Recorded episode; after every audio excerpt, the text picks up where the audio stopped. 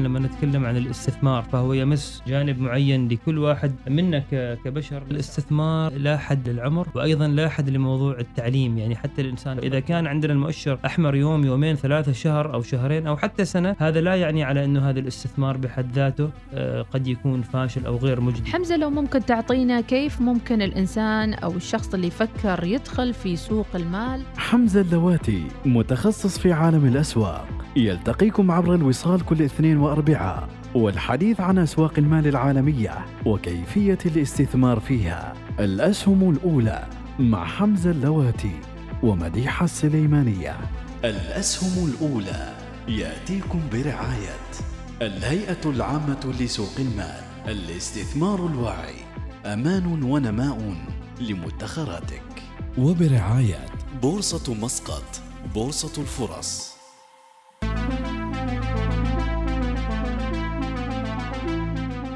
بسم الله الرحمن الرحيم. أهلا بكم متابعينا عبر الأولى الوصال وحلقة متجددة من بودكاست من الوصال حول الاستثمار والبورصات الأسهم الأولى.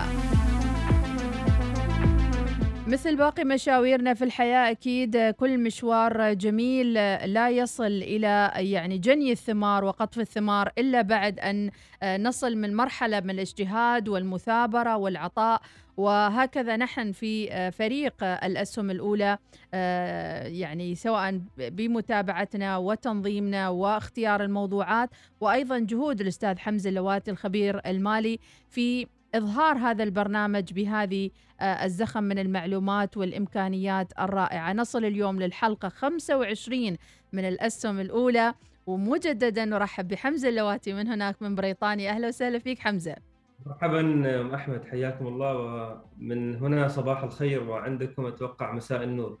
ربي يعطيك العافية. اذا اليوم يمكن نقول وقفة كذا سريعة من حلم بسيط ومن جهد كبير آه، بذلته حمزة لإظهار هذا البرنامج الأسهم الأولى عبر آه، الوصال. وأيضا وصولنا اليوم للحلقة 25 ما هي المشاعر اللي تتواكب مع هذه الحلقة اليوم؟ أم أحمد بالحقيقة شعور بالفرح وبال يعني الواحد دائما الإنسان عندما يعطي وعندما يساهم في نشر ثقافة معينة أنه يفيد ناس فهو هذا أفضل أتوقع أفضل مردود للإنسان من كل النواحي. الحمد لله 25 حلقة مع 25 موضوع أسسنا فيها لمواضيع كثيرة وإن شاء الله متابعين ومواصلين.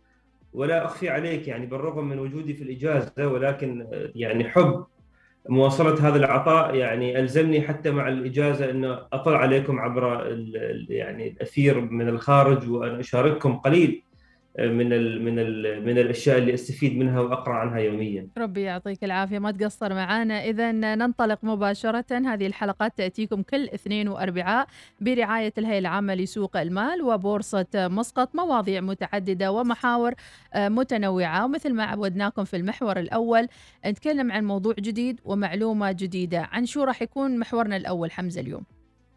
آه، أم أحمد اليوم طبعا حابين نتكلم عن موضوع آه، يعني تعرضنا له سابقا وسألوني الكثير اللي هو ال NFT. ما هو ال NFT؟ ما هو بالضبط هذا الشيء؟ لأنه الفترة الأخيرة آه، بالذات عندنا في الوطن العربي بدأ الكثير يسأل عن ال NFT. وطبعا هو شيء يعني الآن فقط يعني أصبح ظاهر ومعلوم في الوطن العربي. فباغي أشرح ما هو ال NFT.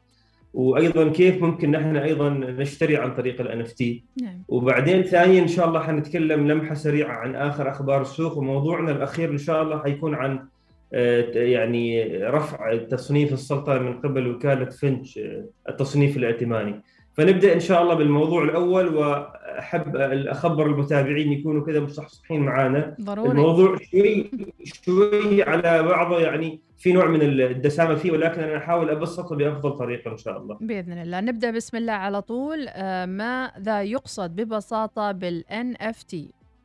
طبعا ال NFT باللغة الإنجليزية ال N stands for non-fungible token وإذا ترجمناها باللغة العربية فنقول أنها رموز غير قابلة للاسترداد. ما هي فكرة ال NFT؟ أم أحمد على سبيل المثال أنت الآن لما تذهبين وتشترين أرض هذه الأرض يتم تسجيلها في دائرة السجل العقاري في وزارة الإسكان نعم. هنالك نظام لتسجيل هذه الأرض هذه الأرض هي ملك لك اسمك على ملكية هذه الأرض أو على صك ملكية هذه الأرض تقريبا في عام 2015 أو 2014 إجت فكرة ال NFT على إنه في كثير أصول هي مش أصول مثلا يعني واقعية هي أصول رقمية. يعني الآن مثلا على سبيل المثال أنت عملتي لوحة في الإنترنت في الفوتوشوب. هذه اللوحة مثلا لو أنت تحبي تسجليها كتابة اسمك فقط غير كافية لأنه ممكن أي واحد يقلدك في الفوتوشوب. فلازم هذه اللوحة يكون لها أصل رقمي يكون لها رمز يدل على إنك أنت صاحبة هذه اللوحة أو هذا العمل الرقمي. لذلك ظهرت فكرة ال NFT اللي هي هو رمز غير قابل للاستبدال. كل لوحة أو كل عمل فني رقمي يكون عبر الشبكة الرقمية يكون له رمز مميز غير قابل للاستبدال. فاذا كان هذا الشيء مثلا مقطوعة موسيقية إذا كان مثلا مقطع فيديو ولو كان 30 ثانية نعم.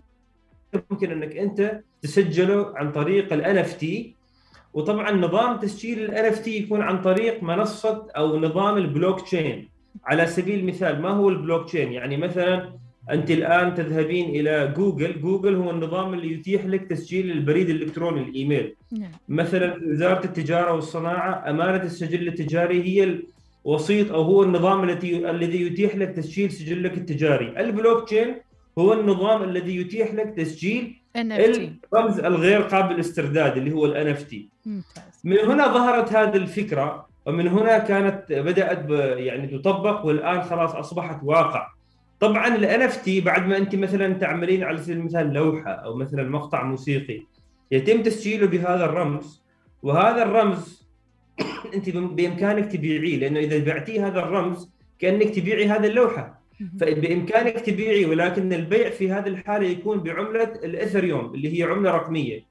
ولا يكون بمثلا عملة دولار أو جنيه استرليني أو ريال عماني لا يكون فقط بهذه العملة الرقمية اللي هي الاثريوم طبعا أهمية أهمية ال NFT ام أحمد على إنه هي يعني ظهرت آه، تواكبت مع العصر ومجال جديد. عادة الناس عندما تقتني اللوحات أو أو التحف أو النوادر فهي تقتنيها من من موضوع حب اقتناع الأشياء اقتناء الأشياء النادرة نعم. يعني الآن مثلا تدخل في بيت أحد الأصدقاء أو بيت أحد الناس يقول لك هذه القطعة مثلا منها عشرة في العالم القطعة هذه يمكن شيء بسيط يمكن حديد مم. يمكن عبارة عن حتى بلاستيك لكن وإيش اللي يخلي ثمنها غالي يا أم أحمد مم. اللي هو الندرة لأنه هي نادرة نعم. ولأنه ما موجود في لها منها في العالم إلا 10 أو 20 لذلك الإنسان يلجأ حتى إنه هو يكون مميز حب التميز عند الإنسان إنه يذهب ويقتني هذه الفكرة. نعم. نفس الشيء في ال NFT. تخيل يا أم أحمد في ال NFT مثلا بإمكانك مثلا بإمكان الواحد إنه يبيع تغريدته تغريدة في تويتر يصورها ويبيعها يكون لها رمز رقمي. طبعا أول واحد عمل هذا الشيء هو جاك دورسي. جاك دورسي هو مؤسس شركة تويتر والشريك التنفيذي السابق لتويتر. هو قبل أشهر آه، صور التغريدة ماله وباعها بملايين الدولارات. نعم. ما أعرف كم ايثريوم لكن لما نحولها إلى الدولار كان ملايين الدولارات. اذا ال NFT يعني هل هي واقع أم خيال أم جنون؟ هذا أيضا من ضمن الأسئلة خاصة أن كل الأشياء راح تكون رقمية محوسبة ما موجودة في ال reality. نعم هي هي حاليا أم أحمد واقع ولكن هذا الواقع ما الجميع مستوعبه لأنه الواقع الرقمي أتوقع الأجيال الجديدة هي أكثر استيعابا له. لكنه واقع. ما ما هو شيء جنون لأنه إذا كنا في في واقعنا مثلا نذهب إلى معرض فني في باريس أو في لندن تجدي لوحة لوحة كذا على الجدار ما عليها إلا بالطريقة نحن العمانية نقول شخبوطة يعني. زين؟ نعم. أو مثلا في لوحة كانت قبل فترة عليها قشرة موز هذه بيعت بملايين. ليش قال لك هذه فيها تميز فيها نظرة فنية وما منها إلا واحدة في العالم؟ فنفس نفس الفكرة تنطبق على الأصول الرقمية سواء كان مقطع موسيقي أو كانت حتى لوحة رقمية. ما دام انه فيها الندرة وفيها عليها طلب ممكن ترتفع سعرها إلى حتى ملايين بل مليارات إذا من هم مستفيدين من هذا؟ من مستفيدين من ان يعني هل أي أحد يدخل على الموقع بلوك تشين ويضع بضاعته وأشياءه؟ والعملة ليش اختاروها بالتحديد الايثريوم وليس الدولار أو آه، عملة رقمية معروفة؟ طبعا العملة ايثريوم لأنه هي الايثريوم آه، هي أيضا آه، هي العملة في نظام ال blockchain ال blockchain يعني هي عملة رئيسية في البلوك تشين ف فأسهل جدا التداول أو البيع عن طريق الايثريوم وأيضا ما في ما يحتاج لها أي معاملات وتسجيل غير فقط تسجيل على البلوك تشين الدولار قد يعقد الموضوع وما ما الموضوع ما يحافظ على على انسيابيته وعلى سرعته اللي اللي تحصل حاليا.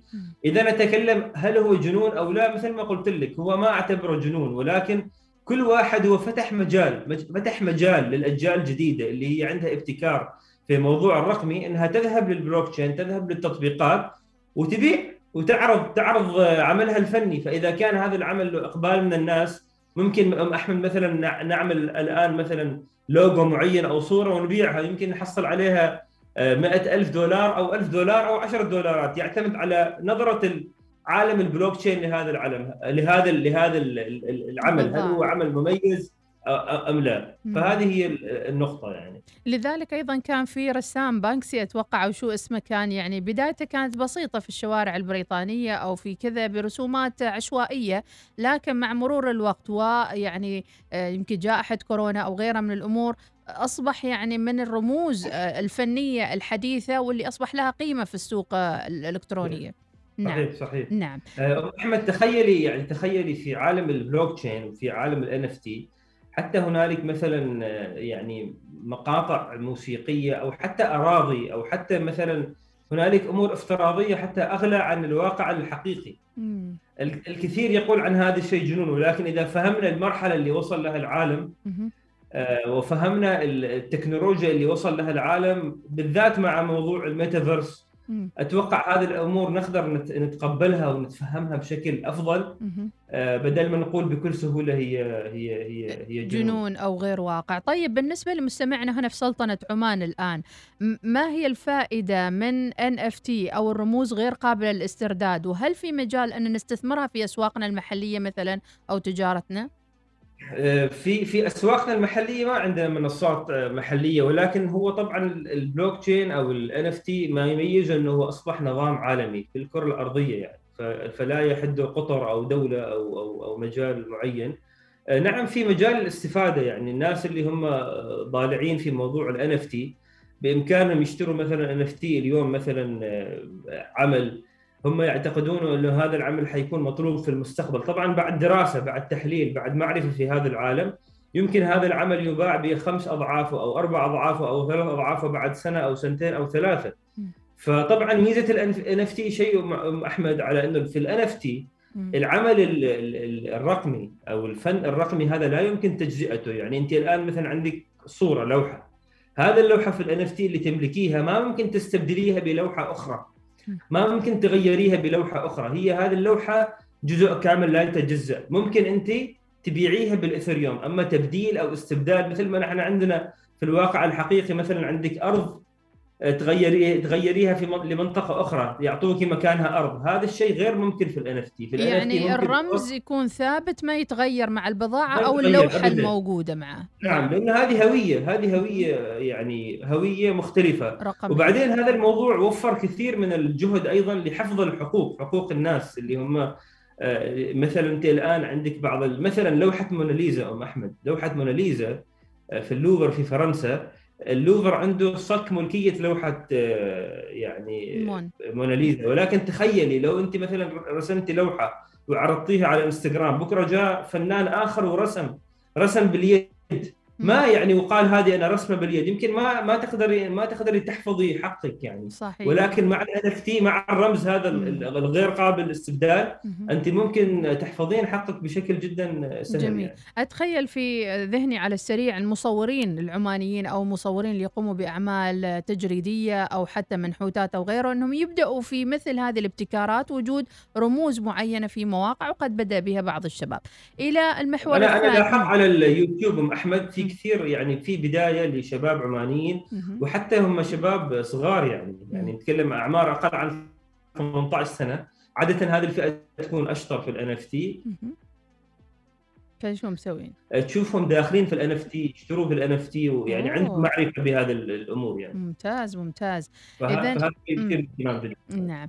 طبعا الصوت شوي يقطع معانا بسبب البث طبعا عبر الزوم. وجه تحية لضيفنا الدائم ولدائما يثري حلقاتنا. حقيقة اليوم موضوع جدا ثري. صح إنه خفيف ولطيف ولكن في ملايين في مليارات قادمة في استثمار للبلوك تشين وأيضا للمعرفة الرقمية الجديدة. المعلومات. أول مرة أعرف عنها إن عن ال NFT والرموز غير قابلة للاستيراد آه، آه، استرداد ولا استيراد؟ حجم الصفقات خلال النصف الأول من 2021 في عالم ال NFT وصل لأكثر من مليارين ونص. أكثر من مليارين ونص. بعد ما كانت بداياته مئات ألوف قبل ثلاث سنوات أو سنتين. فما شاء الله في في تزايد. ومتوقع أيضا خلال السنوات القادمة أن يتضاعف هذا الرقم. بينما نحن نتكلم في الموضوع كأنه يعني مثل ما نقول بين ضرب من الخيال أو إنه راح يطبق في الواقع ما نستبعد خلال السنة القادمة أو 2025 تبدأ دول already تبيع أشياء وتضع NFT لممتلكاتها الحكومية أو غيرها آه، في المستقبل. أحمد أنا بعطيك قصة طريفة آه، قبل آه، تقريبا حوالي أسبوعين كنت في أحد البنوك معنا بالسلطنة فكنت أتكلم مع أحد المدراء هناك أقول له إيش أكثر شيء يواجهك كمشكلة في موضوع بطاقات الائتمان ال credit cards فقال لي تصدق ويش قلت له ويش قال لي يجيوني أهالي ويشتكوا على إنه بطاقتنا هذه تسحب منها مبلغ أو أخذ منها مبلغ. وهم ما يعرفوا. وبعد ما نروح وندقق في الموضوع تجد على إنه ولده أو بنته الصغيره يلعبوا لعبة اونلاين ومن في هذه اللعبة يشتروا مثلا يمكن يشتروا ان يشتروا مثلا صورة يشتروا شيء معين. فهذا الشيء أنا أقول لك بكل حقيقة وأنا جلست مع بعض الأطفال من الأقارب أشوفهم إنه اعمارهم تحت 17 16 ملمين ومدركين جدا في ال NFT ويمكن ربما نحن في أحد الحلقات في السنة الأولى نستضيف أحد هؤلاء الأطفال حتى هو يشرح لنا من واقعه ما هو ال NFT وكيف هم يستعملوه. أحييك يا حمزة للامانه إحنا اليوم أطفالنا شبه معزولين ذهنيا وما عارفين هم إيش قاعدين يسوون في الألعاب هذه. مثل ما قلت يعني في انجيجمنت على طول مع الطفل مع اللعبة. شو أخبار السوق من هناك من لندن من أوروبا والأجواء بشكل عام في المحور الثاني؟ طبعا إذا تكلمنا عن أوميكرون فهنالك هجمة إعلامية كبيرة وتخويف يعني من وكالات الإعلام على موضوع أوميكرون، هنا في المملكة المتحدة مثلا الحركة التجارية، الأسواق التجارية، حركة المطاعم طبيعية جدا ما بس طبيعية. أحمد أقول لك إن هنالك ساعات انتظار طوابير طويلة. حركة سياحية شديدة. ما أشوف أي تأثير للحركة التجارية أو للشركات التجارية. مع قرب أعياد الكريسماس. نتكلم عن الولايات المتحدة بالرغم من تزايد حالات أوميكرون. السوق أمس آه، طبعا سجل قفزة كبيرة آه، المؤشرات الثلاثة الرئيسية ال S&P الناسداك الداو جونز وكثير من أسهم التقنية وبقية القطاعات أيضا سجلت ارتفاعات جيدة. ونتأمل هذه المرة هذا الارتفاع يكون متواصل وفعلا يكون مثل ما يسموه ل Santa rally في نهاية السنة. بإذن الله. شوف أنا لابست لكم سانتا already يعني لا الوان الكريسماس. طيب إلى عودة لأسواقنا المحلية هنا في سلطنة عمان أكيد بالأمس كان في إصدار للتصنيف الخاص لوكالة فيتش للتصنيف الائتماني لسلطنة عمان. آه، عبر الأسهم الأولى خلينا نركز حمزة أكثر على تأثير تصنيف السلطنة الائتماني وتأثيراته على البورصة واقع الاقتصاد. جميل. هو موضوع جميل نتكلم عنه أحمد. بتكلم عنه بأكثر من يعني وجهة نظر وتذكير للمستمعين. نحن عندما نتكلم عن هذا الموضوع فنحن طبعا ما نتكلم من مو من من منطق الانتقاد لأجل الانتقاد ولا ولا منطق المدح لأجل المدح ولكن بشكل موضوعي لأنه هذا البرنامج برنامج مالي فني يحاول أن يسلط الضوء على أمور مختلفة، الكثيرين ظهروا أمس وتكلموا في هذا الموضوع، في البداية نحن نقول الحمد لله أن التصنيف الائتماني تعدل من سلبية إلى مستقرة. ثانيا أيضا أحب أقول أم أحمد ترى هذا التصنيف ما ثابت يعني يتغير يعني يمكن بعد ثلاث أشهر إن شاء الله أو أربع أشهر يتغير من مستقرة إلى إيجابية، في عدة درجات بالتصنيف أو ممكن لا سمح الله ينزل من مستقرة مرة أخرى إلى سلبية، فهذه التصنيفات تتغير كل فترة من وكالات تصنيف المختلفه، نعم. عندنا مثلا وكالة فيتش، عندنا وكالة S&P، عندنا وكالات مختلفة تصنف الدول واقتصاداتها. طبعا المستثمرين عادة يعني المستثمر لما لما يجي يستثمر مثلا في سندات السلطنة حاب يشتري في ال bonds في السلطنة فلما يبني قرار استثماره دائما يشوف التصنيف. إذا كان التصنيف مثلا مرتفع مستقر إيجابي هذا يطمنه أكثر ويشجعه على إنه مثلا يشتري هذه السندات أو يستثمر في هذا البلد حتى غير عن السندات. فهذا شيء إيجابي من ناحية الاستثمار جلب الاستثمار الخارجي وأيضا من ناحية القروض يعني الآن السلطنة عندما تلجأ إلى القروض سواء من البنوك المحلية أو البنوك الدولية عندما يكون تصنيفها مرتفع سعر الفائدة اللي حتدفعه حكومة السلطنة حيكون أقل بينما إذا كان تصنيفها مثلا سلبي أو كان نازل أو ما كان جدا إيجابي ففي هذه الحالة فائدة القرض حتكون أكثر بالتالي سعر فائدة أعلى. نعم. هذه النقطة الثانية، النقطة الثالثة أحمد إنه أيضا في موضوع رفع التصنيف الائتماني للسلطنة. هنالك عدة أسباب يعني أدت إلى رفع التصنيف وطبعا حتى التواصل الحكومي ووزارة المالية ذكروا آه، هذه الأسباب. ولكن في اعتقادي المتواضع السبب الرئيسي أحمد هو ارتفاع أسعار النفط. آه، اللي اللي أنقذنا أسعار النفط بارتفاعها الشديد اللي صار اللي كان غير متوقع نعم. هو اللي خفف كثير من الأعباء خفف كثير من الضغوط في موضوع التمويل الخارجي خلينا حتى نعيد ونذكر أيضا بلمحة تاريخية سريعة أنه وصل سعر البرميل إلى 10 دولار أتوقع أو أقل من ذلك لو نعود بالتاريخ في فترة العز الأزمة. الماضية أم أحمد برنت حتى وصل إلى أقل من صفر إلى السالب نعم. في خلال في عز أزمة فوصوله الآن إلى 70 و60 أو حتى مرحلة التذبذب اللي إحنا فيها الآن ولكن يتوقع أن يكون في تحسنات الفترة القادمة إن شاء الله. يعني يعني في في نقطة يسموها the sweet spot اللي هي النقطة الحلوة للمصدرين للنفط وكذلك المستوردين اللي هي حوالي آه، يعني 60 ل 70 تقريبا على من في هذا الخيار. ولكن أم أحمد ما يهمنا نحن كالسلطنه ك كدولة يهمنا جميعا نحن في هذا في هذا الوطن اللي نحن نحبه وننتمي إليه على إنه التقلبات في أسعار النفط واردة دائما يعني. ف ف ف فنعم الفرحة جيدة إنه نحن رفع تصنيفنا الائتماني من سلبية إلى إلى مستقرة ولكن نحن لا زلنا يعني عرضة لقرار السيد النفط للنفط. إذا هو ارتفع نحن نفرح ونرتفع. وإذا هو نزل فنحن نقول تنويع اقتصادي. نعم. وعندما نجد التنويع الاقتصادي ما أحمد اقولها للأسف التنويع الاقتصادي عندنا لا زال آه، يعني غير آه، غير منوع بشكل كبير. يعني عندما لما نأتي إلى نمو الايرادات الغير نفطيه في الميزانية هذه الإيرادات الغير النفطية العامل الأكبر منها هي الضرائب. نعم. سواء كانت ضرائب الشركات الدخل القيمة المضافة أو غيرها. أو الخدمات. نعم.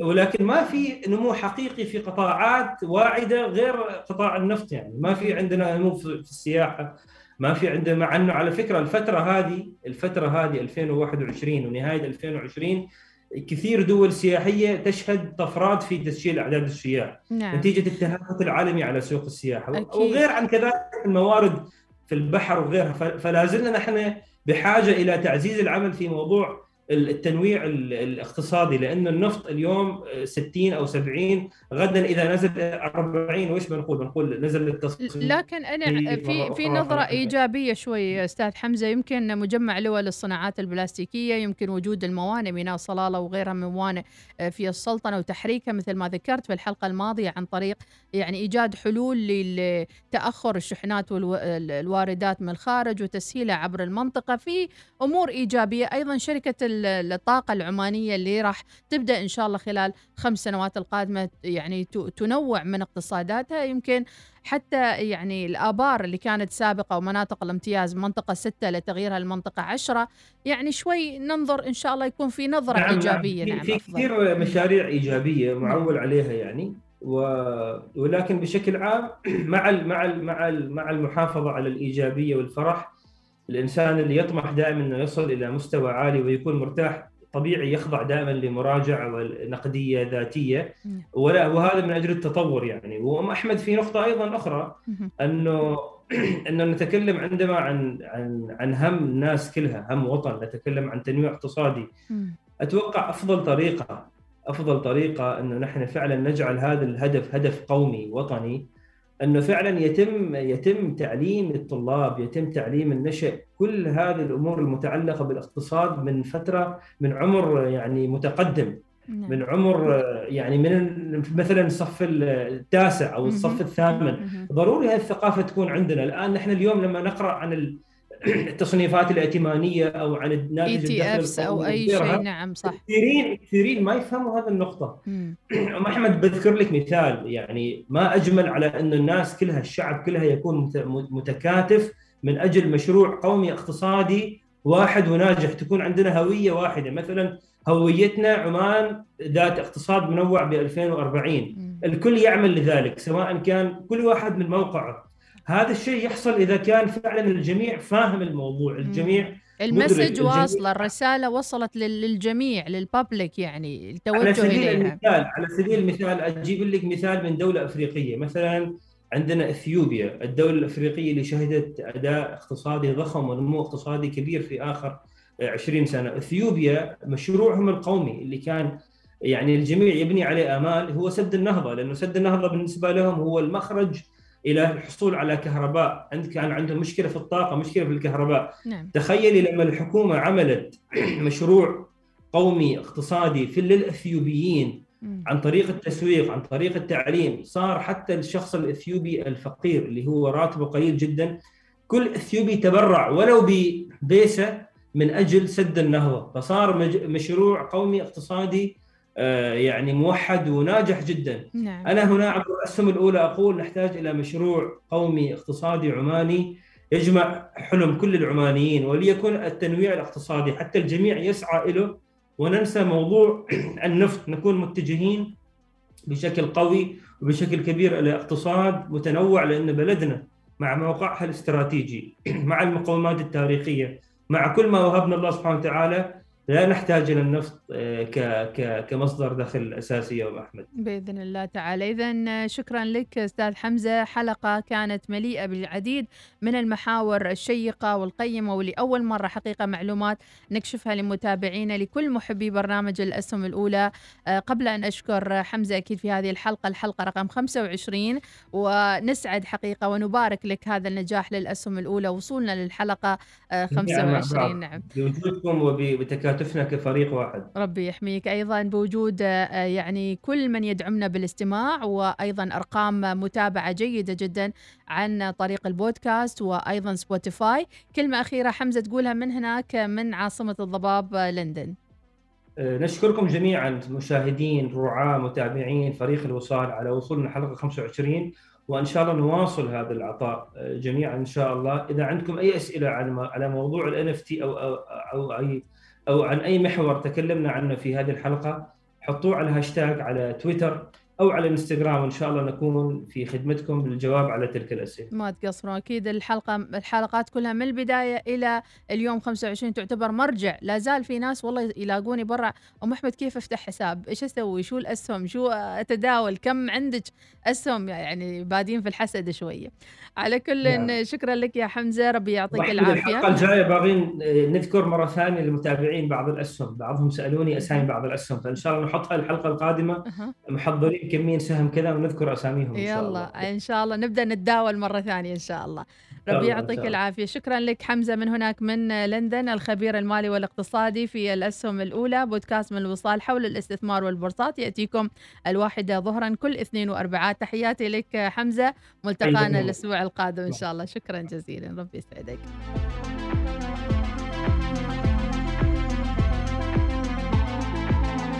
نتكلم عن الاستثمار فهو يمس جانب معين لكل واحد منا كبشر. الاستثمار لا حد للعمر وأيضا لا حد لموضوع التعليم. يعني حتى الإنسان إذا كان عندنا المؤشر أحمر يوم يومين ثلاثة شهر أو شهرين أو حتى سنة هذا لا يعني على إنه هذا الاستثمار بحد ذاته آه، قد يكون فاشل أو غير مجدي. حمزة لو ممكن تعطينا كيف ممكن الإنسان أو الشخص اللي يفكر يدخل في سوق المال؟ حمزة اللواتي متخصص في عالم الأسواق. يلتقيكم عبر الوصال كل اثنين والحديث عن أسواق المال العالمية وكيفية الاستثمار فيها. الأسهم الأولى مع حمزة اللواتي ومديحة السليمانية.